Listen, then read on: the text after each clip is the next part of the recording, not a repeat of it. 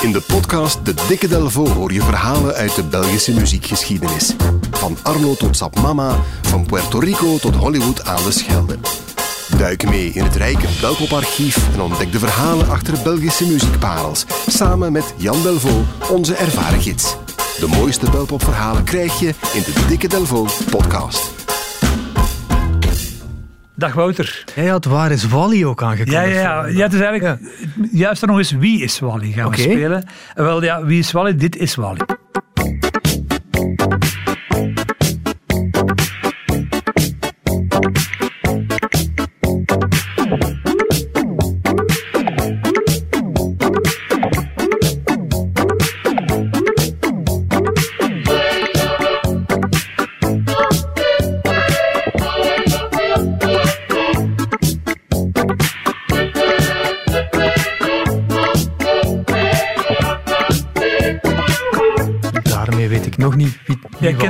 Ken, het, is. ik ken het Ja. ook nog niet lang hoor. Dit is het nummer Aqua van Ja. DVWB, een nummer uit 78.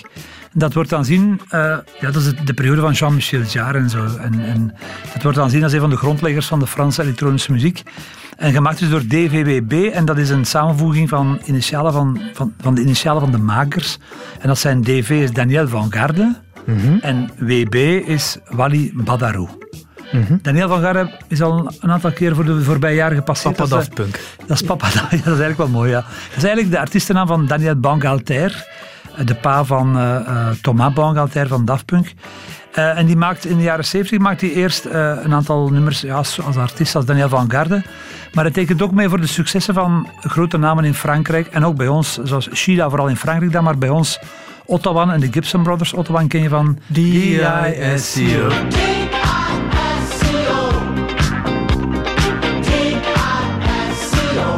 Gibson Brothers, een bekendste nummer is... Voilà, van die trouwfeest classics. Eh, maar hij heeft ook de muziek bedacht voor heel wat nummers eh, van Wil Tura. Dat is een gevolg van, van zijn vriendschap en samenwerking met Jean Kluger. Het artistieke brein achter Tura. Kluger van de grote Kluger-dynastie die ons, oh, die hebben ze ons niet allemaal geschonken. Daan Winner, Telex, de- Hein zijn broer. Een van de mooiste muziekverhalen denk ik wel eh, in België, waar we het al vaak eh, over hebben gehad. En Van Garde, of, Bangalter en, en Jean Kluger, die scoren internationaal eh, met Ottawa en de Gibson Brothers, maar ook met Black Blood en La Compagnie Creole. Dat zijn echte, dat die moeten, die, als je die lijst afgaat, dat zijn allemaal van die, van die evergreens en die classics. Die gasten zijn daar steenrijk eh, mee eh, geworden. Zoals je het al zei, van, ja, Bangalter is de pa, of, of Daniel Bangalter is de pa van Thomas. En het mooie is wel dat Jean Kluger, die doet de, dat is de zaak, zaakwaarnemer eigenlijk van Daft Punk. Hij is de, bo- de boekhouder van Daft Punk. Jean is voor 80, denk ik. Ja. heeft een kantoor in België en in, Nederland, eh, in Frankrijk. Sorry. En die Franse poot heeft, ja, heeft alles geregeld. Doet de, de zakelijke beslomeringen van Daft Punk. Fantastisch toch? Voilà. Geweldig. Nu, eh, Daniel van Garde leert in, in, in, in Parijs, eh, eind jaren 70, WB kennen, dus een jonge muzikant, eh Wally Badarou. Een straffe pianist en ook een synthesizer wizard. Echt heel, heel begaafd, een man met Afrikaanse roots. En die eh, gaat in 1978, komt hij onder contract bij Barclay Records. En die Barclay was echt ja, zo'n soort platenmagnaat, heel flamboyante figuur eh, in Frankrijk. Die voor onze popgeschiedenis belangrijk geweest is, omdat de Pebbles bij hem hebben gezeten en ook uh, Ferre Grignard. Ja. Dus, eh, eh, en ja, die, die Badarou is zeer begaafd, zoals ik al zei. En die groeit uit tot een veelgevraagd eh sessiemuzikant. Meestal op het laatste moment. Als alles is ingespeeld, mag hij zo met zijn keyboards en zijn synthesizers zo de, de, de, De vette- gaatjes opvullen. Zo. ja, de vette disco saus Ja. meestal. Ah, hè, voilà. En hij doet dat heel veel, ja, eh, heel veel Franse groten van, uit, van, uit die tijd. Eh, als je daar op de hoezak kijkt, staat uh, Badarou. Maar in 1979 mag hij voor het eerst ook een samenwerking met jonge Engelse muzikanten die naar Parijs waren gekomen om een, om, een eerste plaatje te maken. En Badarou legt de laatste hand aan deze monumentale hit.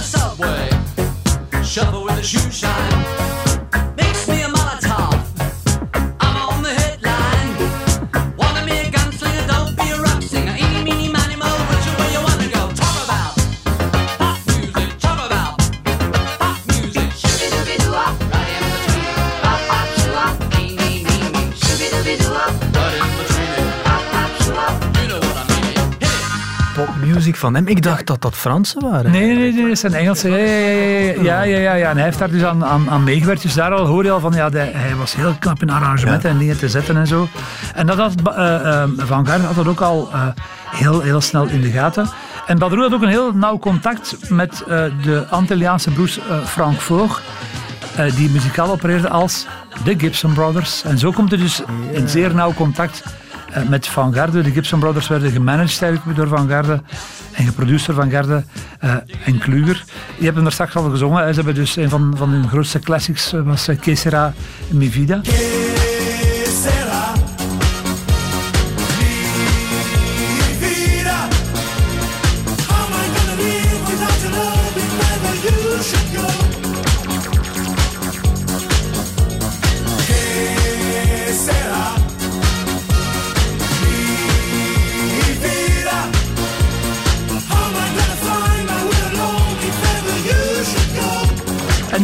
Ook live en, Badarou gaat mee op tournee. Hij speelt ook mee op een aantal nummers eh, van die groep. En ja, Van Garde had het echt in de mot van dit is, ja, dit is een, een whiskit. Hè. Dat is een, zo'n een, een, uniek talent. Ik ga er verder mee.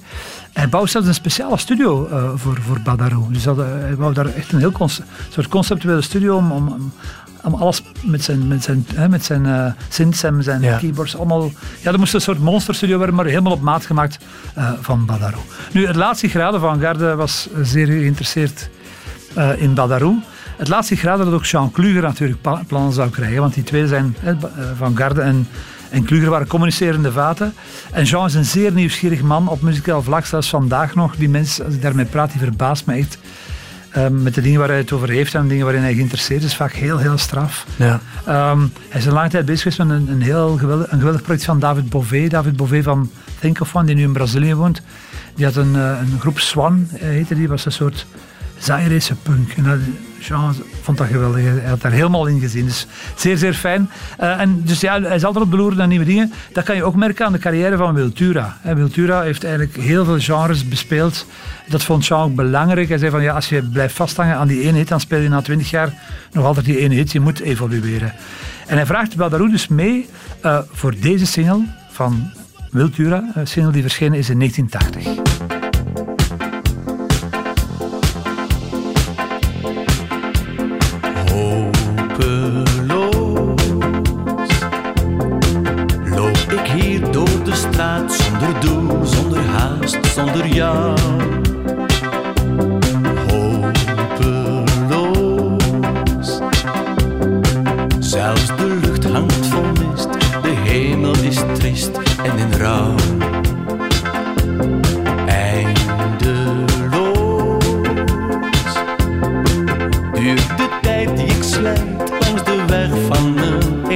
Eenzaamheid.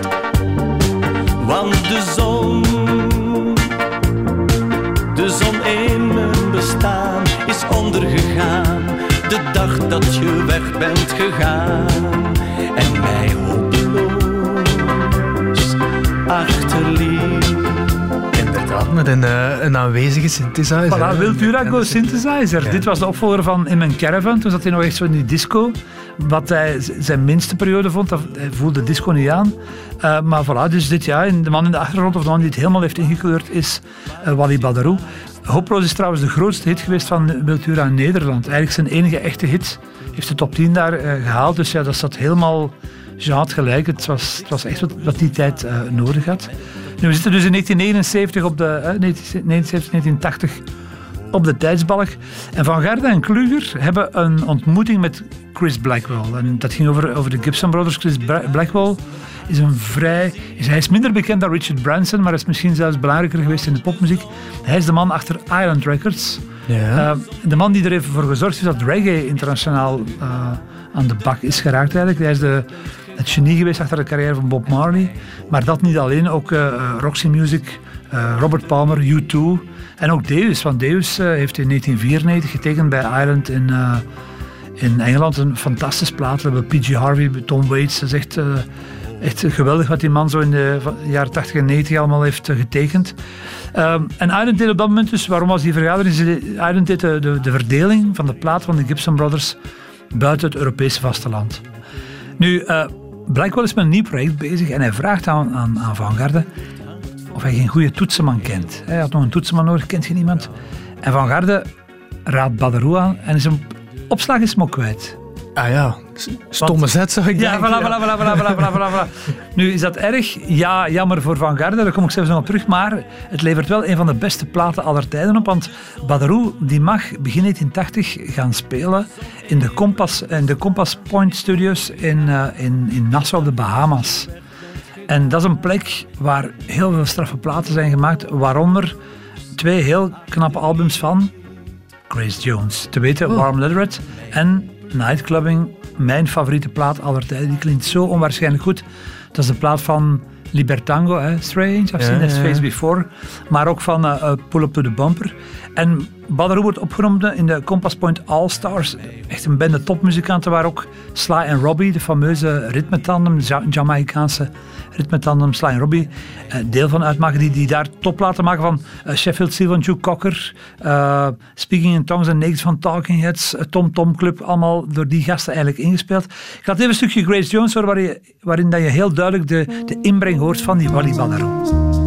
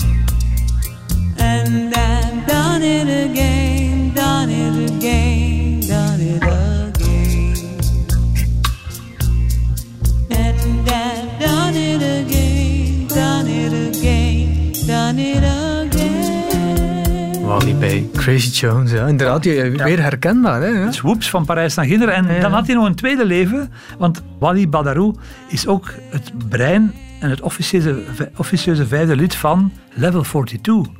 Ah ja. Al die grote hits uit de jaren 80 heeft hij mee gecomponeerd en is ook eh, de producer van.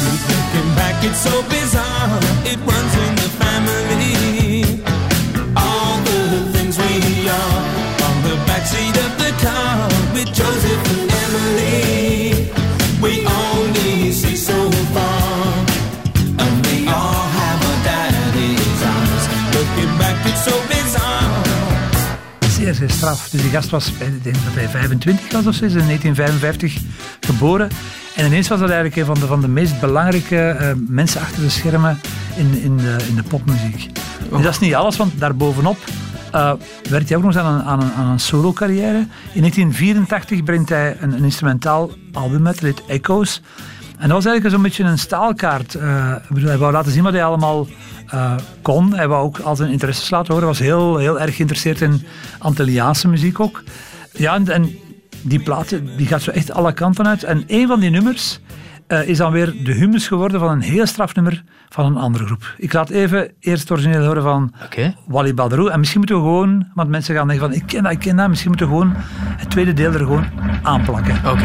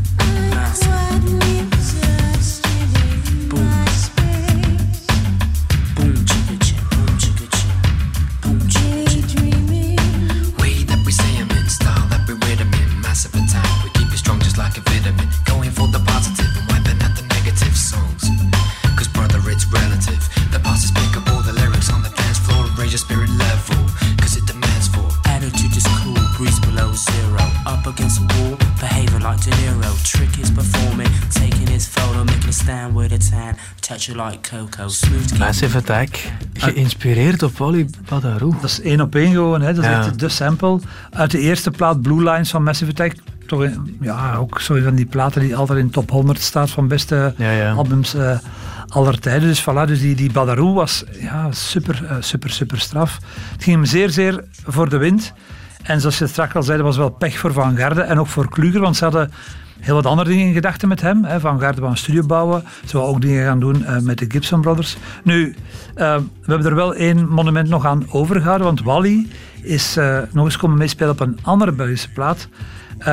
En het is een nummer uit 1981 dat we allemaal kennen kunnen meezingen, waarop hij nadrukkelijk vermeld staat als synthesizerspeler. En dat is Ik voel me goed van Johan Verminnen. En als je het verhaal hebt gevolgd en daar straks ook eh, het nummer hebt gehoord van, van, eh, van Tura, snap je gewoon dat dat Wally is. En ja, Wally is 100%. en ik wil Johan Verminnen zeker eh, niet tekort doen en ook niet Fernando Lamerinia, als die de inspirator geweest voor dat nummer, maar, maar muzikaal is het, is, is het helemaal gemaakt en, en gestuurd en gestuurd eigenlijk door Wally Badarou.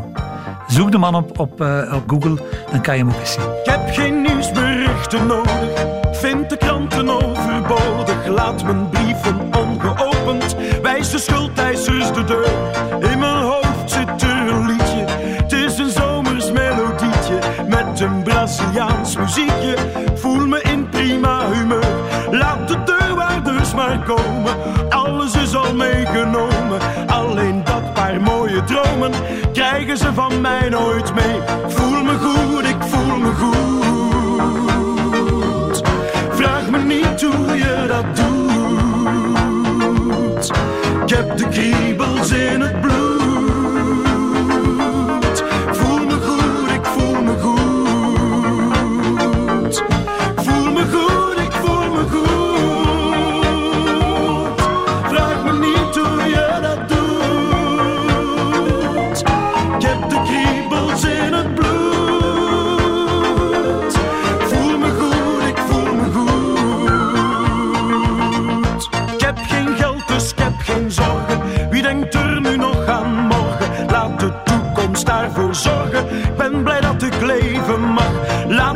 De crisismakers zeuren. Open de ramen en de deuren. Er staat echt iets te gebeuren. Het wordt vast een zonnige dag.